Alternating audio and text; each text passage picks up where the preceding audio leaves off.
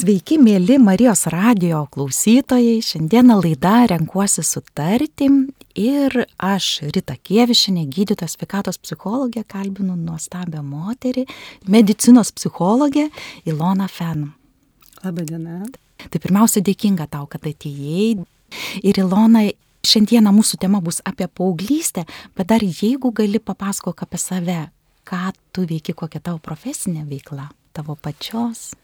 Tai mes kaip ir prieš tai truputėlį jau, jau šnektelėjom su, ta, su tavim ryta apie tą mano veiklą, kad ji yra tokia pakankamai plati ir didžiausia tokia neįveikiama užduotis dažniausiai man būna, kai reikia save pristatyti. Toks, pati kitą kartą pagalvoju, ar čia neskamba kaip koks žmogus orkestras, bet iš tikrųjų psichologija yra labai platis rytis ir ten yra labai daug galimybių save realizuoti, aš tokia esu žingidus žmogus, man viskas malsu, aš labai mėgstu mokytis, vis kažką tai naujo sužinoti, galbūt dėl to renkuosi labai daug visokiausių sričių ir krypčių ir tokia galbūt šalia manęs visą laiką dar keliauja daug visokių labdaringų veiklų, daug susijusių su savanorystėmis, kas tokia užpildo mano tą, tą kitą dalį, tokia tarsi visai galėtume pavadinti, ar ne, kažkokia karmos taškų rinkimas ar dar kažkas panašaus. Pilnatvės buvimas, o man pilnatvės realizavimas ar dar kažkokioje srityje. Tai aš daug metų esu ir Kauno moterų linijoje, tokioje organizacijoje, kur mes e, teikiam pagalbą moterim atsidūrusiam krizinėse situacijose ir e, emocinės pagalbos moteriams linijoje, anksčiau vadinosi psichologinės pagalbos moteriams linija. Aš esu ten daugiau nei 12 metų. Esu supervizorė, savanorių mokytoja, tai reiškia, kad aš ruošiu tuos žmonės, padedu jiems pasiruošti, po to ateityje sėdėti prie to karšto vadinamo telefono, atsiliepti skambučius. Mano temos yra pakankamai sudėtingos, aš dėstau savižudybių prevenciją, daug metų tame su, kartais važiuoju su išvažiuojamais tokiais seminarais apie savižudybės prevenciją po Lietuvą, kur mane kviečia kažkokias organizacijas, tai labai myliu tą savo veiklą. Ir nepaisant to, kiek turiu kartais darbo visose kitose srityse, visą laiką stengiuosi tą dalį išlaikyti, nepaleisti. Tai dabar dar prisijungiau prie mokymo Klaipėdos vyrų linijai, dabar dar vedu mokymus tiems savanoriams, kurie konsultuoja vyrus atsidūrusius kriziai. Tai dar mano ta veikla tokia prasiplėtė būtent toj srityje, tokios emocinės paramos.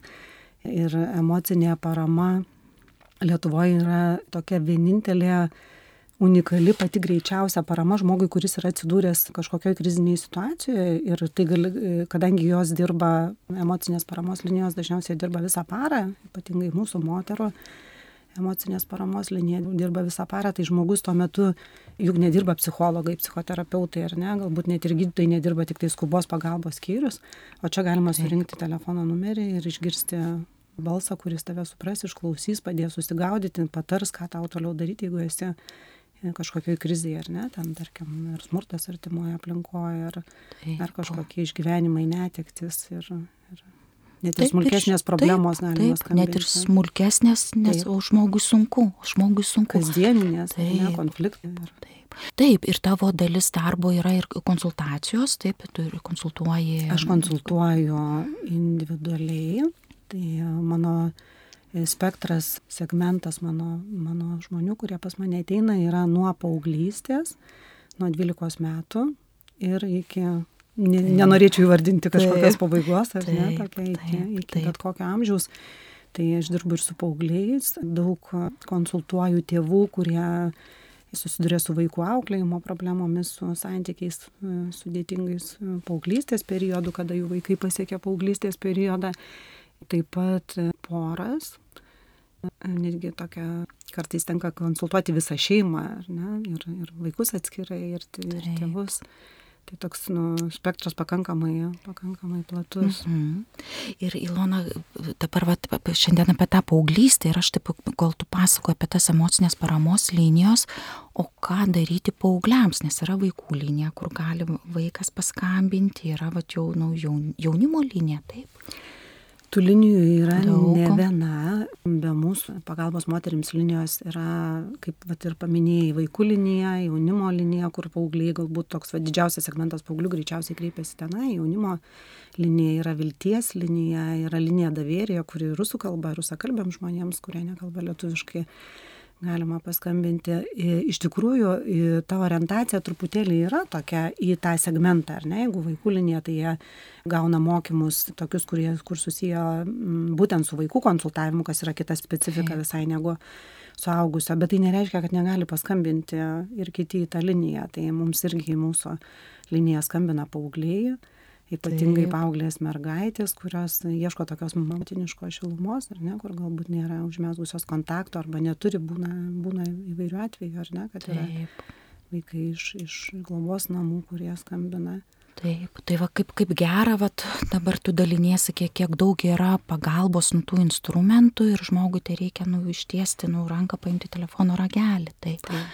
O kokios tos paauglių problemos, nu kokios dažniausias, nu jų tas laikmetis ypatingas, galim sakyti, ir jiem, ir tėvam, taip. Mm, aš irgi vadinu mm. tą laikotarpį pačiu sudėtingiausiu laikotarpiu žmogaus gyvenime, ne, nes jisai labai sudėtingas yra tiek paaugliui pačiam, e, tiek tėvam, nes e, ką tik buvęs vaikas, turėjęs vaiko statusą, kur galima nerūpestingai gyventi ir pareigų mažai, e, lūkesčių mažai vaiką, ar ne, tėvai daug ir patys suteikia malonumo visokio vaikams, ar net tarsi išmoko vaikus ieškoti malonumo. Pasižiūrėkit, jeigu mes pastebėtume, ką daro tėvai, veda vaikus į žaidimo aikštelę, į vaikiškus filmus, į renginius, į žaidimo kambarius, per kas kaniestus dar kažką tai daro, ar net iš vienos pusės tarsi leidžia jam gyventi tokią malonumų pasaulyje.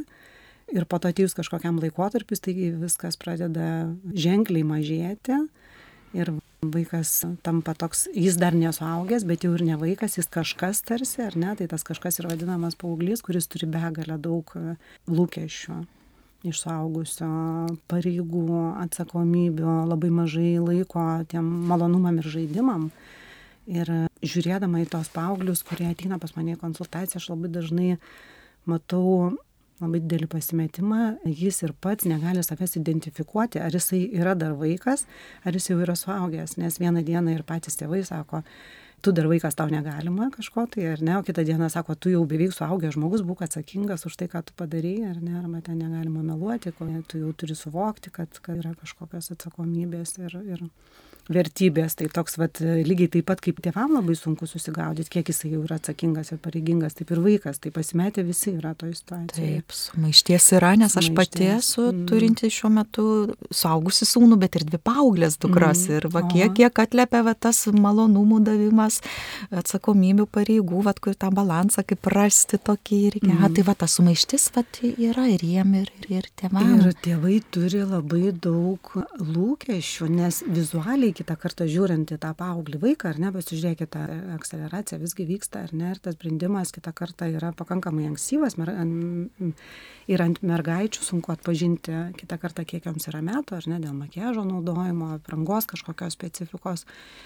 Ir esu turėjusi ir paauglį berniuką, kuriam buvo pradėjus pas mane lankytis, kai jam buvo 15 metų, paskui jau jam suėjo 16, tai jisai įeidavo į kabinetą didžiulis vyras, anksti subrendęs e, fiziologiškai o viduje juk jis yra vaikas įsivaizduokit juk jam tiktai penkiolika metų jisai toli gražu dar paauglystė baigsis ten ties dvidešim antrais gyvenimo metais dažniausiai žmonės galvoja kad aštuoniolikos metų baigiasi paauglystė bet tos žinios yra truputėlį senesnės kartos Taip. tada buvo kiti laikai tada buvo kitokios atsakomybės tada buvo truputėlį kitos vertybės mhm. mes prieš trisdešim metų pavadinkim subręsdavom suaugdavom truputėlį anksčiau Ir tokia gal buvo aiški riba, e, tokia, kad liktai baigiai vidurinė ir jau tu suaugęs, nes gal važiuoji studijuoti, jau nuo tėvų atsiskiri, tokia kažkokia aiškesnė riba būdavo. E, ten tokia, seniau. galima netgi atskirą būtų temą kelti apie tą va, tokį kartų skirtumą, ar ne, koks yra kartų skirtumas ir tokia kaip mažą tokį pavyzdėlį, tai galiu yeah. pasakyti tokį, kad jeigu prieš 30 metų mes praktiškai visi užaugom su raktu ant kaklo, kaip aš vadinu, mm. kieme, lauke, kažkur miškuose, statybose, kur naujus kvartalus kažkokius statydavo ar dar kažkur, tai tėvai labai mažai žinodavo, ką mes veikiam, ar ne, kiek mes patys pasipasakodavom, tačiau mumis jie labai pasitikėjo mes turėdavom daug labai atsakomybių pasirūpint e, savo mitybą kažkokią grįžus namo ar ne kažkur yra padėta kažką reikia pasišildyt kažką pavalgyt nueit į parduotuvę nuvažiuoti kažkur tai pačiam nueiti. Mes labai anksti broliui seserim pasirūpinti. broliui seserim mhm. pasirūpint parvesti iš darželio ar dar kažką tai tai dabar tas laikotarpis yra labai stipriai pasikeitęs. Tėvai suteikia vaikams tokias sąlygas kur yra labai mažai atsakomybių e, orientuodamiesi į tai kad tu tiktai gerai mokykis o visą kitą aš padarysiu. Ir kada pas mane pradeda vaikščioti paaugliai į konsultacijas, pavyzdžiui, 15-16 metų jaunuoliai ir merginos, pasirodo, kad jie absoliutiškai nežino, kaip Kaune judėti e, su viešuoju transportu. Nežino rajonų pavadinimo, nežino, kur koks transportas važiuoja, jie pradeda žengti tos pirmosius žingsnius, kada jie pradeda susigaudyti, kaip nuvažiuoti 2-3 km su kažkokiu viešoju transportu, nes prieš tai buvo vežioti su automobiliais nuo taško A iki taško B ir nelabai dažnai tėvai užveža vaikus į mokyklą, po to patys važiuoja į darbą, kai seminarų metu aš tokius vedu seminarus tėvam auginantiem paauglius vaikus ir mes turim aštuonis susitikimus po tris valandas ir mes labai gerai ten išanalizuojam tas santykių problemas pačius paauglius pasižiūrim kas ten su jais vyksta kodėl jie tokie tapo kokie jie tapo tai mes turim vieną tokį užsiėmimą kada aš paprašau tėvų išvardinti pareigas ką jūsų vaikai daro namuose, surašykit, aš jų tiesiog paprašau, mhm. surašykit, ką jūsų vaikai daro namuose, kai prisideda prie namų ūkio, tai tas sąrašas būna labai trumpas, trumpas labai mažas. Taip. Mes ir, šeimoje tą irgi darom mm. karts nuo karto ir žiūriu, kad nu, mano požiūriu trumpas. Ir jeigu palygintume, ką mes darėm dviejų metų taip. būdami, ar ne, tai greičiausiai mes turėtume ten tris kartus ilgesnį tą sąrašą, nes dabar viskas labai stipriai yra orientuota, tu tik tai gerai mokykis, dar jeigu kažką lanko vaikas, ar ne, kartais būna muzika lanko, ar dailė, ar dar kažką kažką, tai tu mokykis į repeticijas, į treniruotės, o visą kitą aš pasidarysiu, ar ne? Arba toks nėra to tokio kryptingo įėjimo į tai, kad aš jau noriu, kad mano vaikas prisidėtų prie namų ūkio ir vieną dieną mama nusprendžia, kad nu jisai nieko nedaro, reikia kažkaip, kad jis darytų. Ir tada pradeda reikalauti, kad darytų, ar ne? Tai jeigu jisai nedarė 12, 13, 14, 15 metų, nėra taip paprasta dabar jam tas pareigas priskirti, ar ne? Toks tai turėtų būti labai kryptingai nuo pat mažo amžiaus. Psichologai netgi yra išanalizavę ir suskirstę pagal amžių, ką gali kiekvieno amžiaus vaikas daryti namuose. Tai kai pamato tėvai tą lentelę, labai nustemba, nes 2-3 metų vaikas jau gali labai daug dalykų daryti, ten nuvalyti, nuvalyti dulkes netgi gali susidėti savo daiktus ir ten vis didėjant tą amžiaus skaičių, ten vis daugiau ir daugiau ir daugiau pareigų, tai tėvai labai nustamba, pamatę tokius skaičius, kaip ten negali būti, kad ten tokio, toks mažas vaikas jau gali ir sudėti į skalbimo mašiną ir indaplovę kažkokius daiktus, tai va tas e, kryptingas toks pareigų priskirimas nuo pat mažens turėtų būti, kad paskui nesusidurti su problemom. Ir jeigu grįžtant atgal prie tos temos, tai nuo ko pradėjau, kad kai kurie vizualiai atrodo labai suaugę, e, paaugliai, automatiškai mūsų lūkestis yra labai didelis į juos. Mes žiūrim, jisai tarsi jau stovi prieš mūsų augęs didelis žmogus ir mes įsivaizduojam, kad jisai turėtų elgtis kaip didelis suaugęs. Ir tada mes tikimės iš jo ir kada jisai elgėsi nebrandžiai, nesuaugeliškai, ar ne, tada mes labai nusiviliam, turim labai daug priekaištų tada tam vaikui, ar ne, kodėl tu taip pasielgiai tarsi kažkoks suaugęs dabar vizualiai, tai turėtum viską suvokti. Tačiau jeigu pasižiūrėtume, kaip vystosi žmogaus mąstymas, tai mes pamatytume tokius esminius dalykus kaip kognityviniai gebėjimų vystimasi, kuris nuo 12 metų pradeda keisti su suaugusio mąstymą mūsų smegenų veikla pradeda keistis suaugusio mąstymą ir jinai keičiasi ilgą laikotarpį. Po truputėlį, ar ne, vis gaminasi naujos ir naujos neuronų jungtis. Ir jeigu mes įsivaizduotume, kad paauglys jisai tiesiog turi, pavadinkim, šiokį tokį neįgalumą kažką tai daryti dėl neįsivyščios smegenų veiklos, mes būtume jiem atlaidesni gerokai. Ir va tokie pagrindiniai esminiai dalykai, kas vystosi, labai stipriai vystosi kaktinės rytis Ir kol neįsivyščius kaktinės rytis, nėra įsivystę iki galo kaip planavimas, planavimas organizavimas. Paauglio dėl to kartais tėvai turi priekaištų kad paauglys nesupranta kiek jisai laiko sėdėjo prie kompiuterio kad jis nepasidarė namų darbų, kad jis dabar e, neto laiku eina miegoti, ar ne, toks tikėdamiesi, kad jis labai suaugeliškai, labai brandžiai viską susiplanuos. Tai dažniausiai tėvus stengiuosi nuraminti, kad jūs nesitikėkite maksimumo, nes pasinėįsivystęs yra gebėjimas planuoti neįsivyščius yra atsakomybė. Ir kiekvienam skirtingų laikų tai. Ir kiekvienam truputėlį vyksta. skirtingų, bet tas periodas, jeigu mes paimtume, tarkim, nuo kokių 12 metų jau pradeda vystytis su suaugusio mąstymą, ir vystysis panašiai iki ten 20 ir 22 gyvenimo metų. Tai mes įsivaizduotume, jeigu paaugliui yra 13-14 metų, ko mes, mes galim iš jo tikėtis, jis ką tik įžengė, ar ne, į tą paauglystės periodą ir jis yra labiau vaikas negu suaugęs. Tai yra ankstyvoji paauglystė, paskui vidurinioji ir vėlyvoji paauglystė. Tai vėlyvoji paauglystė jau mes galim daug daugiau tikėtis iš vaiko, ko negalim tikrai tikėtis ankstyvojoje labai stipriai vystantis kaktiniai sričiai vystosi zonos kurios atsakingos už malonumus už potyrį malonumų dėl to paauglys labai daug nori žaisti dar. Jisai žaidžia aišku tą kas jam yra įdomu. Pagrinde dabar visą tą žaidimų rinką yra užvaldę kompiuteriniai žaidimai kurie yra labai įtraukiantys dėl to labai sunku paauglį atitraukti nuo kompiuterio nuo žaidimo nes tuo pačiu ir smegenys besivystančios smegenys kviečia jį žaisti. Ir mhm. tam pasaulyje į kurį jis dabar yra papuolęs yra labai mažai malonumų labai daug pareigų įsipareigojimų reikalavimų ir įkritęs atgal į tą, į tą žaidimų pasaulį, kur nors prisijungęs prie kompiuterio, jis jaučiasi vėl vaikas, vėl toks, nu, kažkokiam kitam pasauliu, kur nėra to, ko reikalauja suaugę.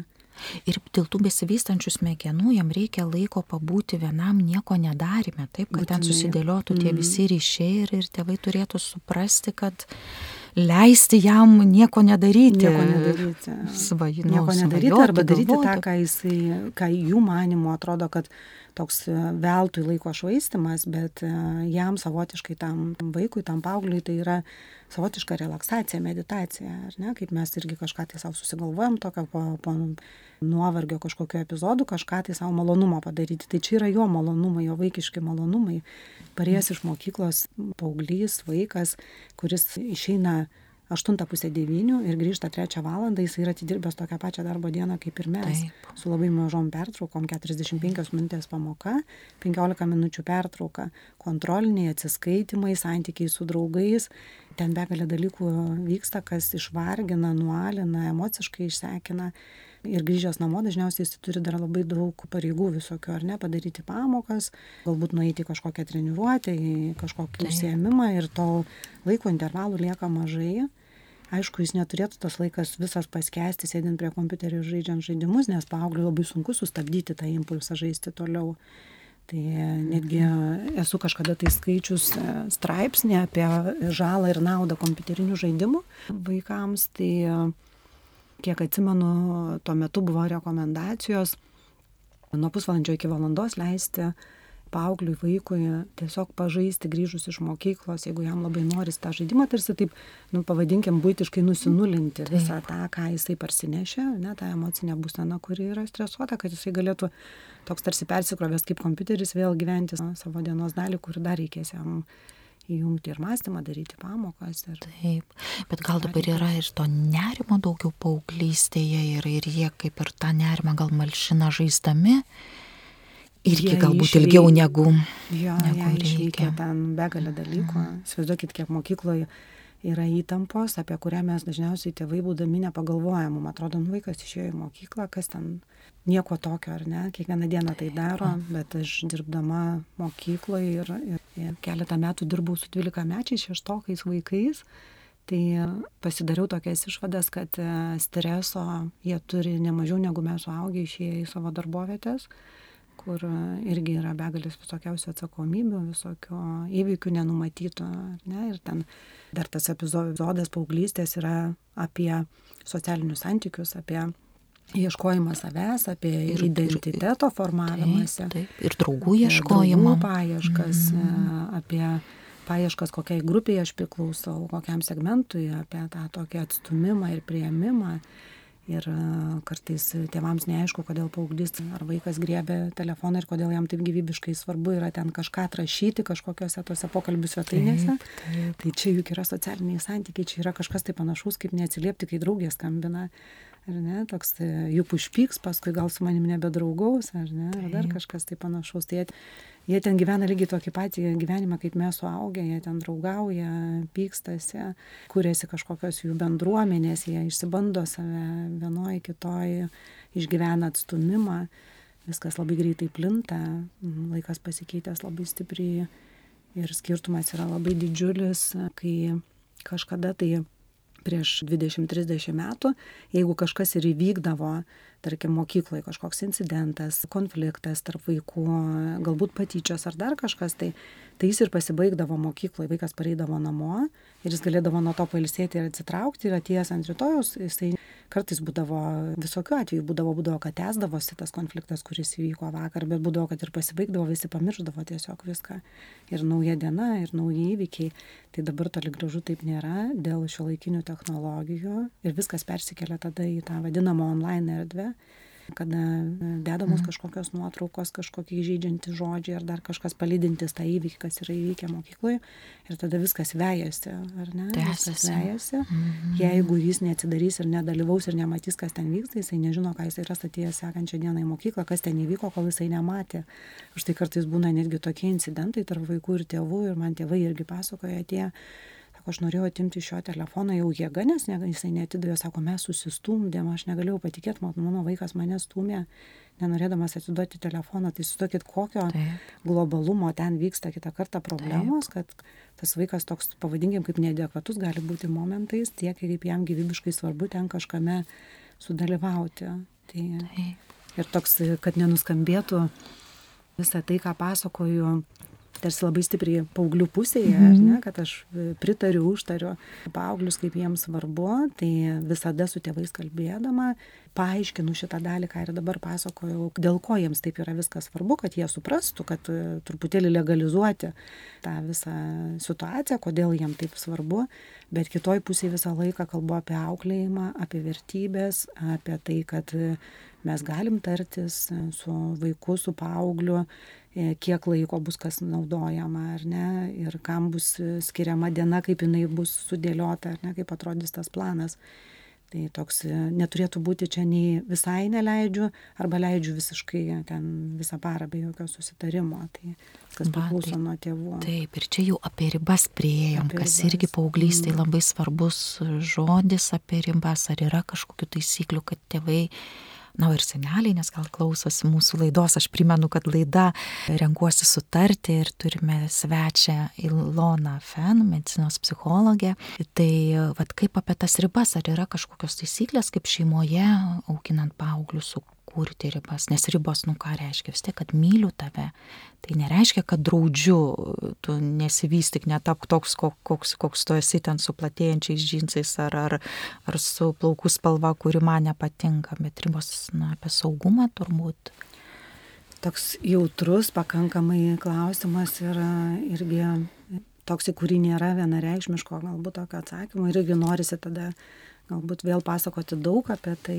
Žinoma, laikas ribotas, dabar save bandau sudrausminti, kad pernelik neįsiplėsti, tai pasakysiu tokius svarbiausius akcentus, kada vaikai yra maži, vaikų ir tėvų ribos yra išvis neaiškios ir nesuvokiamos ir nesuprantamos, nes yra susipynusios absoliutiškai. Vaikas eina į tėvų ribas, peržengia tėvų ribas, tėvai peržengia vaiko ribas.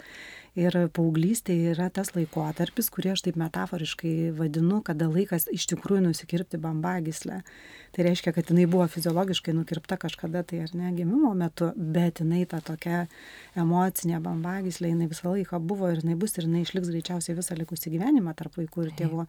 Ir čia ateina laikas nusibriežti ribas, ar ne, suvokti ribas. Pauglys pats labai aiškiai pradeda demonstruoti savo ribas. Užsidaro savo kambaryje, pradeda nepaklusti tėvų taisyklėm jis pradeda demonstruoti, kad jis yra autonomiškas žmogus, norintis turėti savo gyvenimą ir savo pasaulį.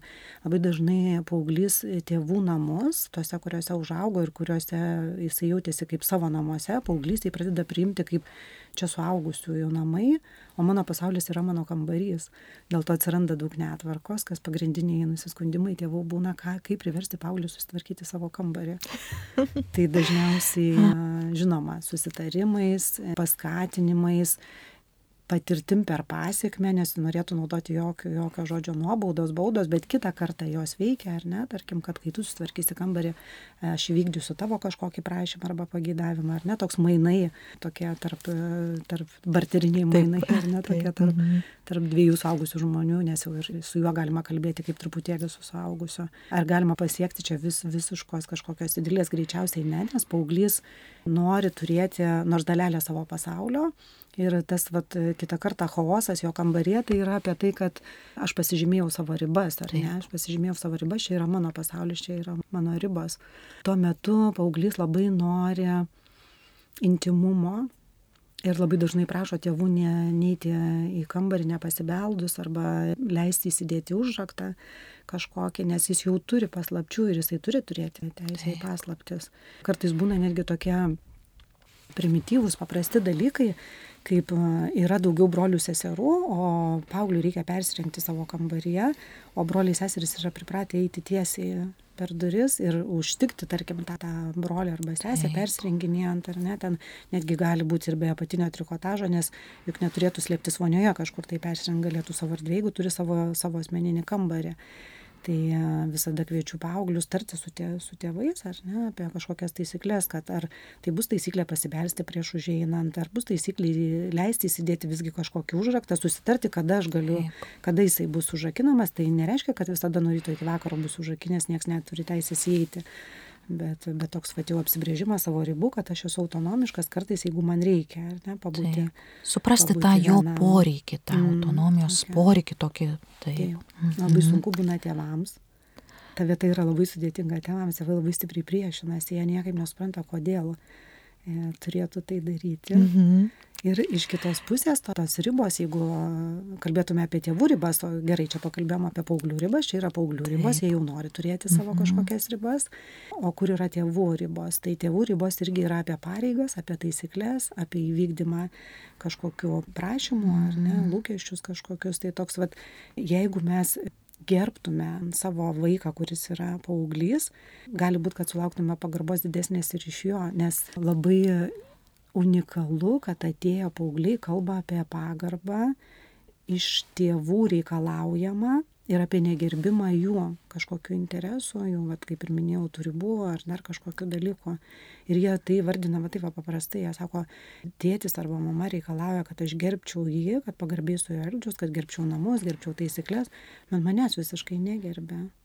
Taip. Manęs negerbė ir tas įėjimas į kambarį, nepasibeldusiems yra kaip gal, didelis ne, ne gal ir nežino, ka, kas tai yra man pagarba, ar ne, mm. irgi iš nesikalbėjimo. Kodėl gal. nepasikalbėti Va, apie tai? Taip. Aš kviečiu visą laiką ir mm, paauglius mm. eiti į diskusijas, netgi mm. duodu jiems tokius pavyzdžius, kaip sakydama, iš kur žinos tėvai, kad, kad tu jau augi, e, samoningėjai, daraisi suaugęs žmogus, jeigu tu neįsi su jais pasikalbėti, neišreikši savo poreikio, neapginsi savo pozicijos, neįsi diskusijas ir tuo pačiu konsultuodama tėvus, tėvams irgi tą patį sakau, vaikai negali būti besąlygiškai paklusnus jūs turite su jais diskutuoti, klausti, kodėl jie nenori kažko tai to, ko jūs pageidaujat, išklausyti jų argumentus, nes iš kur jie išmoks apginti savo argumentus, iš kur jie išmoks atsirinkti, kam reikia paklusti, kam nereikia, jeigu ne dabar kartu su jumis tai darydami. Tai yra tokia kaip maža treniruotė, startas į gyvenimą, nes mes išeinam į gyvenimą, papuolame į vairias organizacijas, darbovietės.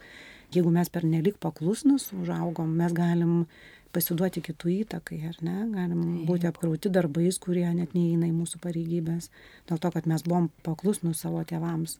Arba atvirkščiai, ar ne, mes gal buvom kažkokie labai maištingi, per nelik tėvai turėjo liberalų auklėjimo požiūrį, ar neleido mums daryti, kaip mes išmanom, mums labai sunku priprasti prie taisyklių, prie prie pareigų kažkokių Taip. ir vykdyti įsipareigojimus. Prisiminiau, kaip mano dėstytojas Julius Neverauskas sakydavo, na jeigu vaikai būtų paklusnus, mes evoliucijos eigoje gal iš to medžio nebūtumėm iš, išlipę. Mm. tai kad tas, taip, jo, jų tas, na, nepaklusnumas tai yra apie juos, apie jų tapatybę galbūt, sakykime, ar ne, tokį šiek tiek. Labai gerai mhm. pakreipė temą, kaip tik vienas iš veiksnių, kas atveda tėvus į psichologo kabinetą konsultacijom, arba jie norėtų atvesti savo paauglį, kaip aš kartais mhm. juokauju, jie norėtų atvesti paauglį ir kad aš jį pataisyčiau. Tai yra ginčiamasis. Tai yra numeris vienas, Taip. problema numeris mhm. vienas, su kuria tėvai susiduria ir mano, kad tai didžiulė globalinė problema yra ginčiamasis.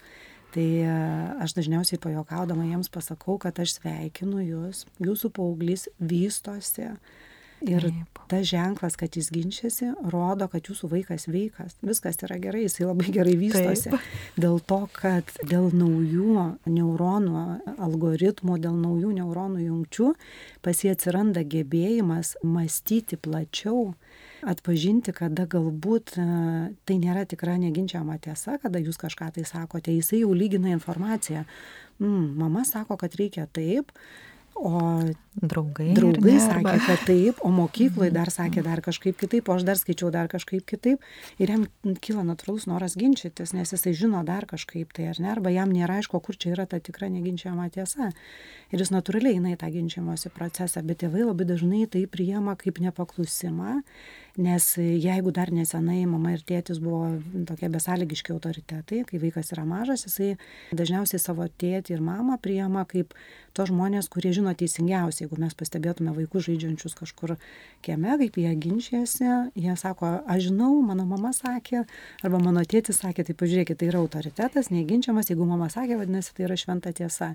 Tai paauglystė dėl naujo atsiradusio gebėjimo plačiau mąstyti atsiranda noras ginčytis ir e, tai yra labai gražu ir labai gerai ir aš tėvams sakau, kodėl jūs ne, nepasiginčykite su jais, tai pasiginčykite. Tai labai gera tema apie kažką tai pasikalbėti, pabūti kartu, nes labai dažnai tėvai e, sako, mes nebeturim apie ką kalbėtis. Jis dabar yra kažkokiam kitokiam savo jau pasaulyje, jis turi kažkokius kitus interesus ir nėra apie ką kalbėtis. Tai taip, jeigu, kai jis ateina pas jūs išsakyti kitokią savo nuomonę, jūs neleidžiate jam ginčytis, ar ne, sakot, nesiginčiuk su manim, aš pasakiau ir viskas. Tai jis nueina ir užsidaro ir pas jūs daugiau neina. Taip, kitą kartą tai... jis ne, ne, nekalbės. Tai mes prieėm prie tokio klausimo, kaip sakyt, prie tokio apie emocijų kaitą. Tai va, nes tie hormonai keičiasi ir emocijos labai dažnai paauglystėje yra nekontroliuojamos. Tai čia apie emocijų turbūt valdymą irgi truputėlį. Čia irgi vienas iš tų kaip ir ginčiamasis opių problemų, būtent tas e, emocinis fonas ir labai gerai pastebėjai apie tą vadinamas hormonų audras, ar ne, kada jos yra nevaldomos ir aš kviečiu tėvus pagalvoti apie tai, kad jis nespecialiai taip daro, tas vaikas, ar ne, tas paauglys. Dažniausiai tėvai pavargę nuo to tokio sudėtingo kontakto su paaugliu, nueina į tokį klaidingą manimą, kad tarsi jis specialiai mane erzina, ar ne, kažką, kažkaip tai tą savo emocijas demonstruodamas. Tai aš visą laiką tėvus kviečiu pasižiūrėti visai iš kitos perspektyvos. Jeigu jūs pasižiūrėtumėt kad jis nespecialiai tai daro ne dėl to, kad suerzino, jam taip darosi dėl tų hormonų, kurie gyvena ten atskirą savo gyvenimą. Nes kai aš kalbu su paaugliais ir paliečiu šitą temą ir paklausiu jų, kaip tau su emocijom, ar ne, kas tau vyksta, jie lygiai tą patį man papasakoja, jie sako maždaug tokius tekstus, aš nesuprantu, kas man atsitinka, aš vieną minutę noriu verkti, kitą minutę mane apima baisinis pyktis, trečią minutę aš pajaučiu kažkokį laimės jausmą ir aš nežinau, ką su tuo daryti. Ir kada aš paklausiau, kaip reaguoja tavo tėvai, tai dažniausiai girdžiu atsakymą, kad tėvai nori, kad aš būčiau laimingas ir ramus dažniausiai, arba laimingai rami. Tai tarsi teigiamas emocijas tėvai ištoleruoja ir priima, o neigiamas jie vetuoja arba neleidžia jausti tų neigiamų emocijų, sakydami, kad kodėl tu vėl piktas, tau amžinai kažkas nepatinka. Ir aš turiu paaiškinimą šitam, kodėl taip atsitinka juk mes tėvai norim, kad mūsų vaikas būtų laimingas. Ir mes norim padaryti viską, kad jisai būtų laimingas, išvargti už jį visus vargus ir negandas, ne? Ir patiesti jisai, kilimėlį prieš problemas. Pagalbį, ne, visur, kur jisai, kad, kad kada nors nenukristų. Taip. ir dėl to kada mes matom tą tą vaiką arba paauglį nelaimingą mum automatiškai kyla tas toks nesaugumo jausmas kad galbūt e, ir aš kažką tai padariau nepakankamai ar ne kad mano vaikas nelaimingas tai gal aš nepakankamai gera mama gal aš negerai auklėju. Žiūrėkit koks čia užburtas ratas ar ne užsivelia. Ir dėl to mes norim kad tas paauglys būtų daugiau laimingas negu nelaimingas arba tas nelaimingas apskritai net nebūtų. Ir arba tai būtų patogus, nerodytų emocijų, mm. ne, kaip sako, koks mano vaikas ten geras. -hmm. Taip, o kur mm. tas jo pyktis nueina, į, į abejingumą gal, ar kažkokią agresiją. Taip, labai dažnai saviagresija, savižalojimą. Ir galbūt ir į liūdėsi kaip saviagresija, galbūt, ar ne? Mm, pasyvę tokią saviagresiją, kartais į savižalojimą. Va. Labai mm. dažnas e, toks kaip reiškinys po to, kada vaikas e, neišbūna su savo vidumi, ar ne, jisai net ne, negali namuose reikšti, negali nudrenuoti tų sukilusių emocijų, užsidaro savyje, savyje išbūti irgi per sunku, dėl to, kad ten tas vid, vid, vidinis skausmas yra gerokai sudėtingesnis negu kažkoks išorinis, kada mums skauda ranką, koją, galvą, tai mes bent jau matom priežastį, dėl ko skauda, tai viduje ten, ten jisai yra didžiulis, tamsus, juodas ir jo neįmanoma niekaip ten su, sudozuoti. Tai e, paauglystėje labai būdinga, greičiausiai žinai, ar ne, apie savižalojimą. Taip. Kada jie daugiau mažiau save žaloja įvairiaus, įvairiausiom priemonėm, tai tos priemonės labai stipriai irgi keičiasi, vietos, lokacijos savižalojimo labai stipriai keičiasi. Tai yra jeigu anksčiau būdavo tas britvutės peiliukai vadinami, tai dabar droštukai tam yra naudojami, kur nusilaužiama ta dalis, kuri yra pjaunama, tai tada niekas net neįtarė, kam jinai ten guli, kur nors kuprinėje ir kam jinai bus panaudota. Paugliai kartais pasakoja, kad jiem, kada mokyklai pasidaro labai blogai, jie nubėga į tualetą ir save pažaloja tuo metu, kad palengvėtų ir toks užsikūrė įdingas toks labai mechanizmas, tarsi kas yra tas veiksmas savižalojimo tuo metu, kada jiems skauda kadangi skauda viduj ir nesugebu pamatyti, kur skauda ir nežinau, kaip ten sugydyti, nes tabletė nuo galvos juk nepadeda, ar ne, nuo, nuo vidinio skausmo. Ir aš e, savo įsipjaunu, padarau kažką tai skauda, tai mano dėmesys nusikreipia į tą vietą, kurią skauda ir tada skauda realiai tą, ką aš matau, kas mhm. skauda ir tuo metu neskauda ten viduje. Ir tas va toks žalingas e, elgesys, jis yra kaip patampa taip, paskui kaip įprotis. Taip. Jie žino, kad, o, žinau variantą, kaip greitai galima iš to raminti ar iš to skausmo išeiti mm. vidinio. Taip. Tada pasakoja visi vieni kitiems, ta informacija plinta, kartais dalinasi video visokiais įrašais, juk paauglystė labai būdinga, ar ne, kažką tai tokio taip. daryti, kas galbūt net jiems kitą kartą yra tokie dalykai, kad, wow, kaip kietai aš čia kažką tai darau, ar ne, kaip jie man patys pasakoja. Taip. Ir tada, va, tą klausimą atsakant, kaip, kaip jiem rasti tą tokią vidinę ramybę, kai būna sunku, kaip tvarkyti su emocijomis.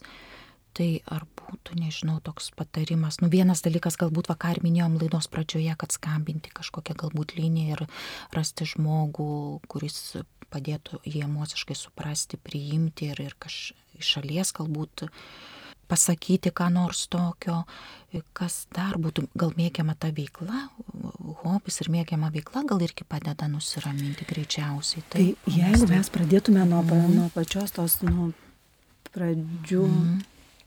Pradžios, pradžių, taip, pradžios, aha. tai jeigu tėvai priimtų tą poziciją, kad e, pirmiausiai aš priimu tą savo vaiką ir tą savo paauglį su visokiausiam emocijom, tai čia mhm. būtų pats geriausias ir pats reikalingiausias žingsnis. Vadinasi, jis grįžta iš mokyklos, jis turi teisę būti piktas, susierzinęs, nepatenkintas, galbūt ten įvyko kažkokios neteisybės, kiek daug istorijų vaikai pasakoja apie tai, kad jis tikėjosi vieno pažymio, jam parašė kitą, mhm. nors jo draugui už tą patį parašė daug didesnį, ar ne, jis turi išgyventi tas visas taip, neteisybės. Taip. Tai jeigu grįžo mano vaikas namo, aš priemu jį tokį, koks jisai grįžo, aš galiu su juo pakalbėti apie tai ir jis gali su manim pasikalbėti ir aš nepuolu ginti iš karto mokytojos pozicijos, nes aš nemačiau, taip, kaip ten buvo. Taip. Ir aš negaliu vien dėl to, kad aš suaugęs, tai numanau, kaip greičiausiai elgėsi suaugęs ir galvoju, kad mano vaikas buvo neteisus aš priimu tą situaciją kaip situaciją neutralią, apie kurią aš nieko nežinau, paklausau ir išklausau. Gal dar netgi vardinu emociją, kad tu nusivylęs taip, arba nuliūdai jam, taip, ar ne, įvardinti emocijas. Jeigu mes vaikus mokinam to emocinio intelekto nuo pat mažens, jie puikiai moka tai daryti ir paauglystėje, bet jeigu pas mus šeimoje nėra įpročio, ar ne, kalbėti apie emocijas, kai kalbam su vaiku, aš matau, kad tu nuliūdęs, ar ne, aš suprantu kad e, tau gaila kad tu dabar negali žiūrėti animacinio filmuko bet aš noriu kad tu dabar pavalgytum o paskui mes dar turėtume padaryt tą ir tą. Ir toks ir aš e, tikiu kad tu dabar nenori to daryti ar ne nes tu dabar ir ant manęs pyksti. Mes turim kalboje naudoti emocinės kalbos žodžio. Tada nereikės atskirų jokių pagalbos priemonių jokių psichologų tiems vaikams ir paaugliams.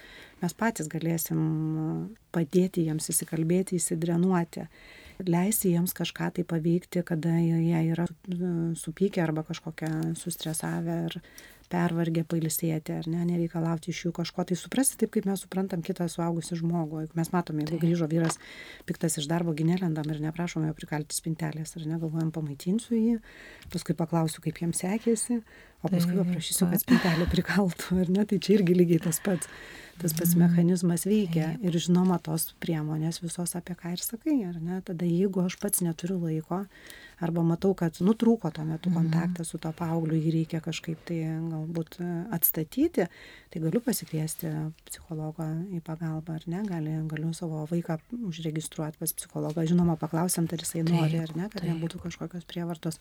Pats galiu nueiti pas psichologą paklausti patarimų ką man su juo daryti kaip geriau Nes šeimoje, jeigu vienas pasikeičia, keičiasi mm. ir, ir, ir visa šeima. Taip. Dažniausiai taip. taip jo. Pabūti kartu, rasti laiko paaugliui, pabūti kartu tuo laiku, kai jis nenori greičiausiai ir, nu, gerbti tą jo autonomiją, bet tuo metu, kai jis nori bendrauti ir rasti tą laiko ir suaugusiam ir tėvam ar, ar, ar seneliam pabūti kartu tiesiog. Aš tai vadinu mhm. tokiu kokybišku laiku kartu, Taip. nes mhm. tas pabūti kartu kartais paskesta e, visai kitokiam buvimi, negu reikėtų. Kaip pavyzdys, tėvai e, paklausti, kiek, aš turiu tokį klausimą jiems irgi seminaro metu, kiek jūs praleidžiate laiko kartu su savo vaiku, ir išminusuokite tą laiką, kada jūs klausėte, ar padarai pamokas, ar pavalgiai, ar sutvarkiai, ar, sutvarkiai, ar dar kažką tai padarai, o kokybiškas laikas yra apie tai, kaip tau gyvenasi, kaip tu gyveni, Taip. kas vyksta tavo gyvenime.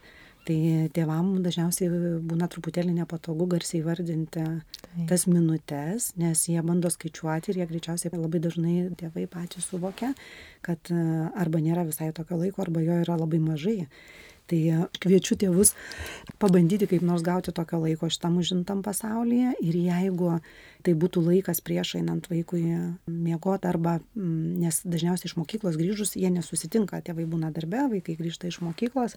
Jeigu yra galimybė tai būtų super tas laikas bet jeigu nėra bent jau laikas e, kažkoks vakare kada visi jau yra po darbų jeigu ir tokio laiko labai sunku rasti arba ne kiekvieną dieną galima rasti tai visą laiką tėvams sakau išnaudokit tą laiką kada jūs vežat vaiką į mokyklą arba ten pervežat iš mokyklos treniruotę ar dar kažką tai darot irgi pokalbiams ne apie kažką tai ten tokį nu, mhm. kaž, kažkokius ten planavimus kažko tai ką jums dar reikia padaryti.